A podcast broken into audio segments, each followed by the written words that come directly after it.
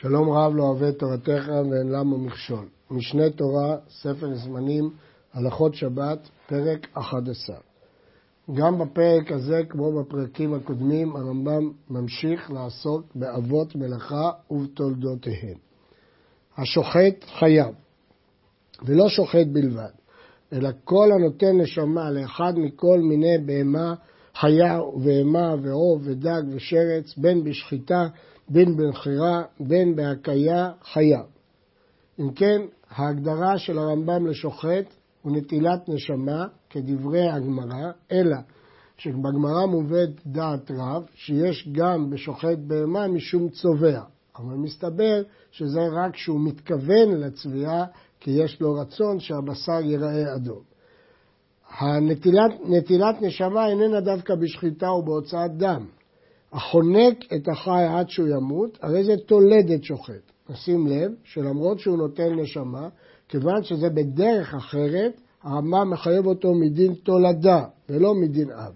ולכן המעלה דג מן המים, ברגע שיבש בו כסלע בין צנפיריו, חייב, שאינו יכול לחיות יותר. גם זה תולדה של נטילת נשמה. הושיט ידו למי הבהמה ודלדל עובר שבמאיה, חייב. למרות שזה רק עובר, חייב מדין נוטל נשמה. זהו חידוש של הרמב"ם. ראשונים אחרים אומרים שהוא חייב משום גוזז, או קוצר, עוקר דבר מגידולו. העובדה שהוא חייב מפורשת, אבל הסיבה שהוא חייב, לפי דעת הרמב"ם נותן נשמה, ומכאן שלפי הרמב"ם, גם בעובר יש כאן הגדרה בשבת של נטילת נשמה. רמסים שהם פרים ורבים מזכר ונקבה, או נאבים מן העפר כמו הפרושים, ההורג אותם חייב כהורג בהמה וחיה. אין אה, צורך כדי לחייב בבהמה גדולה או חיה גדולה. כל דבר שיש לו נשמה, יש בו משום נטילת נשמה. מה ההגדרה של חי שיש בו נטילת נשמה? מגדיר הרמב"ם דבר שהוא פרה ורבה מזכר ונקבה. אבל אם יש יצורים שאינם באים מזכר ונקבה, אלא מגללים ומפירות אה, שהבאישו, הדין שלהם פטור, כי אין להם שם של חי, היות שהם לא פרים ורבים מזכר ומנקבה. הרמב"ם כותב, המפלג כליו בשבת מעולל את הקינים וזורקם, ומותר להרוג את הקינים בשבת מפני שהם מן הזיעה. דעת הרמב"ם, שדבר שנוצר מזיעה ולא מזכר ונקבה, הוא איננו חי בכלל, ולכן הוא מותר. נמצאנו למדים שיש שלוש דרגות. כל רמז שהוא פרה ורבה מזכר ונקבה חייב.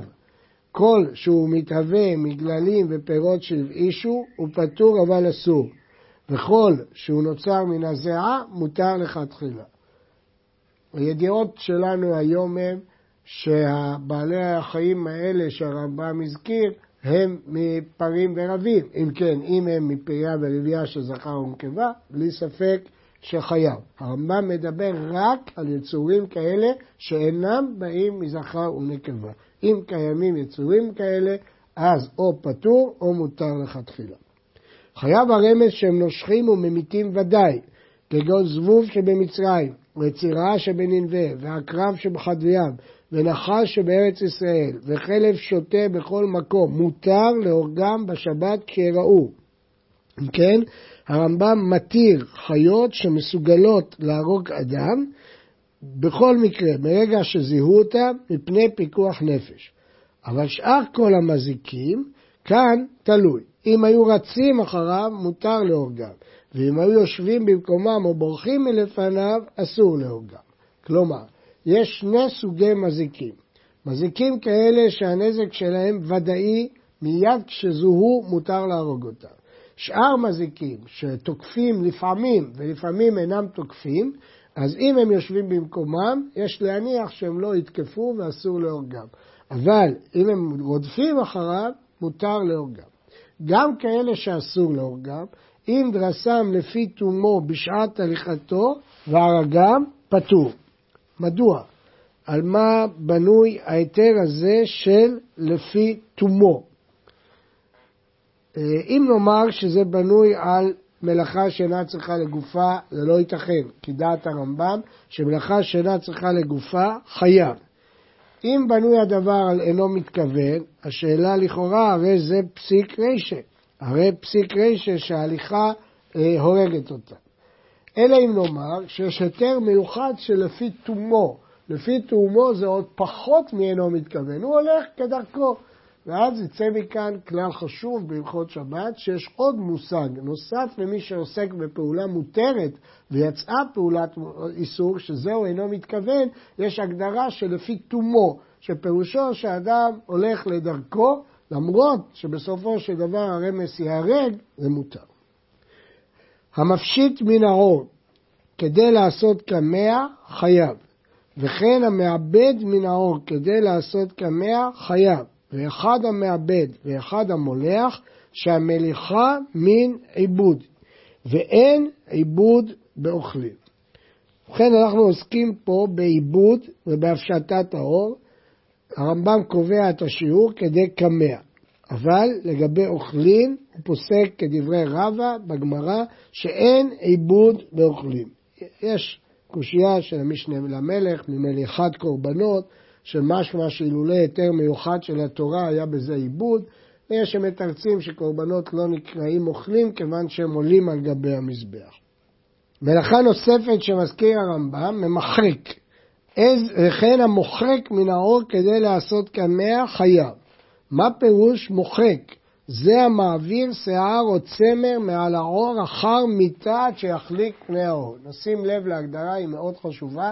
ההגדרה של הרמב"ם של ממחק או של ממרח, המלאכה עצמה היא, לאחר הפשטת העור, הוא מחליק את השיער או את הצמר כדי להכין קלף, כדי להכין עור שניתן לכתוב עליו או לעבד אותו.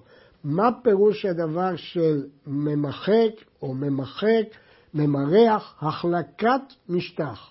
ולכן הרמב"ם יכתוב אחר כך, הממרח רטייה כלשהו, שעבה וזפת כיוצא בהם מדברים המתמרחים עד שיחליק הפנים, חייב משום מוחק. נשים לב שזה שתי שיטות של החלקת המשטח. המקור, המלאכה המקורית, היא שפשוף השיער עד שהעור נהיה חלק. אבל המקרה השני של ממרח, שהוא מוכר לנו הרבה, כאשר מורחים משחה כלשהי. מדוע זה גם כן ממחק? כי באמצעות מריחת המשחה או השעווה או הזפת על הכביש וכדומה, הוא יוצר משטח חלק. אם כן, אין הבדל אם יצרת משטח חלק באמצעות החלקת הבליטות שבו, לבין אם יצרת משטח חלק על ידי שהוספת שכבה ומרחת אותה ויצרת אה, ממרח חלק. המפרק דוכססטוס מעל הקלף כדי להכין סוגי קלף שונים, הרי זה תולדת מפשיט, וחייב, למרות שהוא לא מפשיט את האור מעל הבהמה, הוא בסך הכל מפרק את האור לשניים, לכן זאת תולדה. הדורס על האור ברגלו שיתקשה, והמרככו בידו, ומושכו, ומשווה אותו, כדרך שהרצענים עושים, לא כמשחק, אלא כפעולת עיבוד אור, הרי זה תולדת מעבד וחייב. המורד נוצה, הרי זה תולדת מוחק וחייב. מריטת נוצות דומה להחלקת העור. שיטת הרמב"ם, שמריטת נוצות זה ממחק, ממרח, כי הוא מחליק את המשטח, אבל זאת תולדה. וכן השף בידו על עור שמתוח בין העמודים, חייב משום מוחק, זאת הייתה שיטה איך להחליק את העור, באמצעות שפשוף של עור מתוח. גם זה נקרא ממחק. אנחנו עוברים למלאכה אחרת, מחתך. מחתך זה מי שחותך במידה. המחתך מן העור כדי לעשות קמע, זה השיעור, חייב. אבל בתנאי, והוא שיתכוון למידת אורכו ומידת רוחבו ויחתוך בכוונה, שהוא מלאכה. מחתך זה לא אדם שחותך סתם, אלא שהוא זקוק למידת אורך, מידת רוחב ולחיתוך. אבל אם הוא כמתעסק או כמשחק או דרך הפסד או בלא כוונה למידה, פטור. אסור, אבל פטור.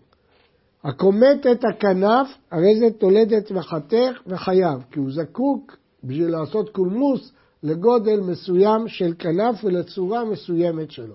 וכן המגרד ראשי קלונסות של ארז חייב משום מחתך. וכן כל חתיכה שיחתוך חרש העץ מן העצים, או חרש מתכת מן המתכות, חייב משום מחתך. הנוטל קסם של עץ מלפניו, וכתמו לחצות בו שיניו, או לפתוח בו את הדלת, חייב. הרמב"ם מחדש פה שלחתוך קסם כדי שיתאים לחצוץ את שיניו, או לפתוח דלת, זה מחתך, כי הוא זקוק לשיעור כלשהי. זה תלוי בסוגיות מסוימות שיש שדורשים שזה איסור דה רבנן בלבד, אבל כנראה הרמב"ם מדבר פה על מקרה מאוד מיוחד, כאשר הוא זקוק לגודל מסוים ולמטרה מסוימת של הקסם, לא קטימה בעלמא וחתיכה בעלמא. כל דבר שהוא ראוי למאכל בהמה, מותר לקטום אותם בשבת, מפני שאין בהם תיקון כלים, ולכן מותר לקחת עץ בסמים, אפילו שהוא קשה ויבש, לחתוך אותו, כי הוא לא מחתך במידה, אין לו צורך בשום מידה. אנחנו עוברים למלאכת כותב ומוחק. הכותב שתי אותות חייב. יש דיון האם שתי אותיות זהו מדין שיעור, ולכן אות אחת זה כמו חצי שיעור, או לא. שתי אותיות זה הגדרה של מבטא, של ביטוי. בלי שתי אותיות אין אמירה. אמירה מורכבת משתי אותיות, ולכן פחות משתי אותיות אה, אין אמירה. המוחק כתב על מנת לכתוב במקום המחק שתי אותות, חייב. מוחק על מנת לכתוב, חייב, לכתוב שתי אותיות. הכותב אות אחת גדולה כשתיים, פטור, כי סוף סוף זה אות אחת. מחק אות אחת גדולה, ויש במקומה כדי לכתוב שתיים, חייב. כיוון שהמוחק חייב מדין יצירת מקום כתיבה ולא מדין המחיקה בעצמה, וכיוון שהוא יצר מקום של שתי אותיות, הוא חייב. כתב אות אחת והשלים בה את הספר חייב, מכיוון שכאן אות אחת מהווה אמירה. יש השואלים מדוע יהיה חייב מדין כותב, אולי מדין מכה בפטיש, שהוא השלים את הספר, אבל ברמב"ם רואים לא כך, שהוא חייב מדין כותב. הכותב על מנת לקלקל הרוב חייב, שאין חיובו על מקום הכתב אלא על הכתב. הגדרה חשובה מאוד של הרמב"ם. ברור שמקלקל פטור, אבל כותב כדי לקלקל האור חייב. מדוע? כיוון אומר, אומר הרמב"ם כי לא אכפת לי מה קורה לאור, מה שאכפת לי מה קורה לכתב. אם בכתב יש תיקון, גם אם באור יש קלקול, זה מתקן. כי במלאכה הוא תיקן. זה שבאור הוא קלקל, זה לא רלוונטי למלאכת כותב. אבל המוחק על מנת לקלקל, פטור. נפלה דיו על גבי ספר, הוא מחק אותה. נפלה שעווה על גבי הפנקס, הוא מחק אותה. אם יש במקומה כדי לכתוב שתי אותות, חייב. כלומר, גם הסרת שעווה או גם הסרת דיו והכנת מקום לכתיבה, חייב משום מוחק. בהלכה י' הכותב אות כפולה פעמיים, והוא שם אחד, כגון רר, ט', גג. כלומר, הוא כתב אות אחת כפולה שיש לה משמעות. כיוון שיש לה משמעות, הוא חייב. נשים לב, אם היה כותב שתי אותיות שונות, בכל מקרה הוא חייב. בין אם יש משמעות, בין אם אין משמעות. אבל אם יש אות אחת כפולה, זה כאילו הוא חזר על אותה אות פעמיים. כאן אין הדבר נחשב לשתי אותיות, אלא אם כן יש לזה משמעות, שאז אות אחת כפולה נחשבת לשתי אותיות. הכותב בכל כתב ובכל לשון חייב. זה דעת רוב הפוסקים, יש דעה חריגה של האור זרוע, שרק על עברית ויוונית חייב, אבל גם הרמב"ם מזכיר את זה פעם בשולחן ערוך, אבל לשון הרמב"ם בכל כתב ובכל לשון חייב, כפי פשט המשנה. ואפילו משני סימנות, שני סימנים. הכותב אות אחת סמוך לכתב, או כתב על גבי כתב, המתכוון לכתוב חטא וכתב שני זיינים, וכן כיוצא בזה בשאר אותיות. הכותב אות אחת בארץ או אות אחת בקורה, שהרי אין נהיגים זה עם זה. או שכתב בשני דפי פנקס ואין נהיגים זה עם זה, פטור. נבדוק כל פטור. אות אחת סמוך לכתב, זו אות אחת, אין פה שתי אותיות וזה לא השלמת ספר. כתב על גבי כתב, לא הוספת שום דבר, לא ניכר הכתב החדש. כמובן, אם זה לא אה, שינוי כמו דיו על גבי סקרה, שזה דין אחר. התכוון לכתוב חטא וכתב שני זיינים, הוא פטור. מדוע? כוונתו הייתה לכתוב אות אחת, לא לכתוב שתי אותיות. בגמרא יש סתירה מלשון המשנה הזאת לברייתא, והגמרא מתרצת שיש הבדל אם זה אותיות אלה צריכות תגים או לא צריכות תגים, והמפרשים מסבירים. הרמב"ם לא הביא את כל החילוקים הללו, והוא פוסק כפשט המשנה, שבכל מקרה נתכוון לכתוב ח' וחתם שני זיינים, פטור. כיוצא בזה בשאר אותיות, זה דברי רבנו חננאל שם, שמביא עוד דוגמאות שמרכיבות שתי אותיות באות אחת, כגון ט' וכדומה. הכותב אות אחת בארץ ואחת בקורה. אי אפשר לקרוא את שתיהן ביחד. גם אם תתרחק ותעמוד במרחק, לא תוכל לקרוא את שתיהן יחד, ולכן פטור. אבל כתבן בשתי כותלי זווית או בשני דפי פנקס והם נהגים זה עם זה, חייב. אם היית עומד במרחק, היית יכול לקרוא את האותיות. או אם אתה יכול לקרב את שתי האותיות ולקרוא אותן. אלה שני פירושים. לקח גביל וכיוצא והוא כתב עליו אות אחת במדינה זו. והלך באותו יום וכתב עוד שנייה במדינה אחרת, במגילה אחרת, חייב. מדוע? מזמן שמקרבם נהגים זה עם זה, ואינם מחוסרים מעשה לקרבתם. נסביר את ההלכה החשובה הזאת. הדין של שתי אותיות, אין פירושו שאם כתבת שתי אותיות בכל מקרה אתה חייב. לא, צריך שתי אותיות שניתן לקרות אותן ביחד. אבל אם אתה יכול לקרב אותם, או לעמוד מרחוק ולראות אותם, בלי עשיית מעשה, בלי לחתוך נייר, בלי לשבור את הקיר, אלא בלי פעולה, אתה יכול לקרוא אותם, גם אם זה דורש מאמץ, זה נקרא שתי אותיות וחייב. הכותב אות אחת, אף על פי שקוראים ממנה תיבה שלמה, למשל, מ', שכולם קוראים מעשר, זה לשון המשנה, או שלא במסכת שבת, או שכתבה במקום מניין, למשל, הרי כמו שכתב 40, מ' בתור 40, הרי זה פטור, כי צריך שתי אותיות. המגיע אות אחת ועשה אותה שתיים, כגון שחלק גג החטא ונעשית שתי זיינים, חייב, כי הוא יצר שתי אותיות. וכן כל כזה. פירוש הדבר, לא חייבים לכתוב שתי אותיות. אם כתבת ונוצרו שתי אותיות, כגון כאן, שהוא רק הסיר את הגג של החטא, אבל סוף סוף הוא כתב שני זיינים. כתיבה בשינוי פטור, ולכן הכותב בשמאלו, לאחר ידו, ברגלו, בפיו, מרפקו, שכל זה שינוי, פטור. אבל איתר שכתב בימינו שהיא לא כשמאל כל אדם פטור, אבל אם כתב בשמאלו, חייב, כי הוא שולט בשמאלו. והשולט בשתי ידיו בשווה, וכתב בין במינו בין משמאלו, חייב, כי אין בזה שינוי.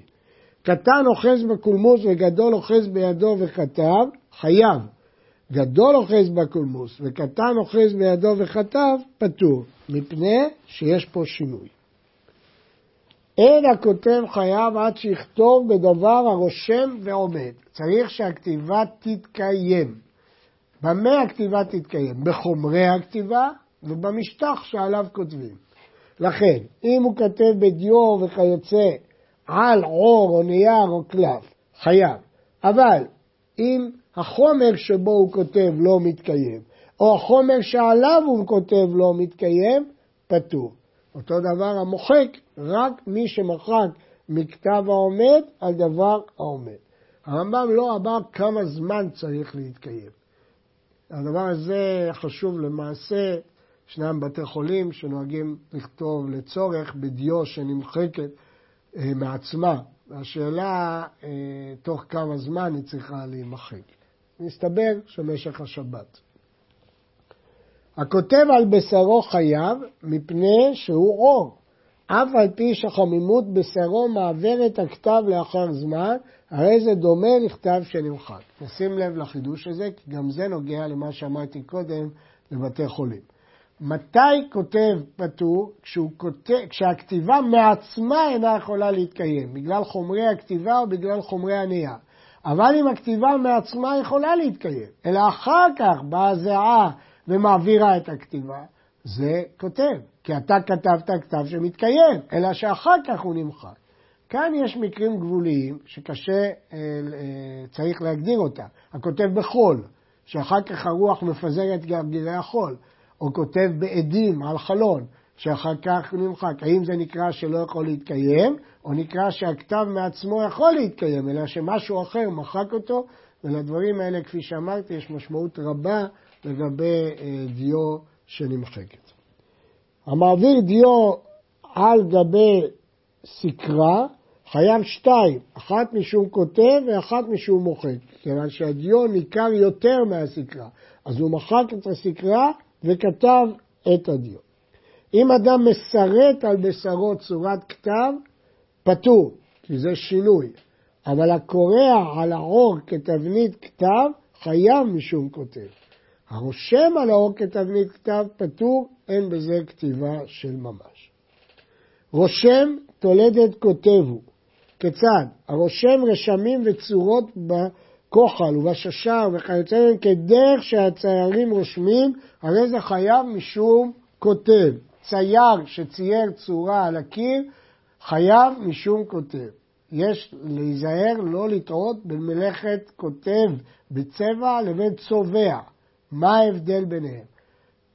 כאן הרמב"ם מדבר על ציור. ציור זה צורת הבעה. אין הבדל אם אתה מביע במילים או אתה מביע בציור. מה שאין כן צובע, שאתה מתכוון שהקיר יהיה צבוע, אתה לא מתכוון להביע משהו, אתה מתכוון לייפות אותו, זה צובע. אבל כשאתה מתכוון להביע משהו, להגיד משהו, ציור, הרי זה מדין רושם וחייב מדין כותב. המסרטט כדי לכתוב שתי אותות תחת אותו סרטוט, כמו שעושים בספר תורה, חייב. חרשי עצים שמעבירים חוט של סקרה על גבי הקורה כדי לסמן איפה ינסרו, הרי זה תולדת מסרטט. וכן הגבלים שעושים כאן באבנים. אחד המסרטט בצבע או בלא צבע, הרי זה חייב. תשים לב למלאכה הזאת, היא לא כל כך מוכרת. אדם שעושה שרטוט כדי שיהיה לו היכן לכתוב, או כדי שיהיה לו היכן לחתוך את האבן, או כדי שידע איפה לגזור את הבד, חייב דין מסרטט, הרמב"ם אה, מחייב. עד כאן.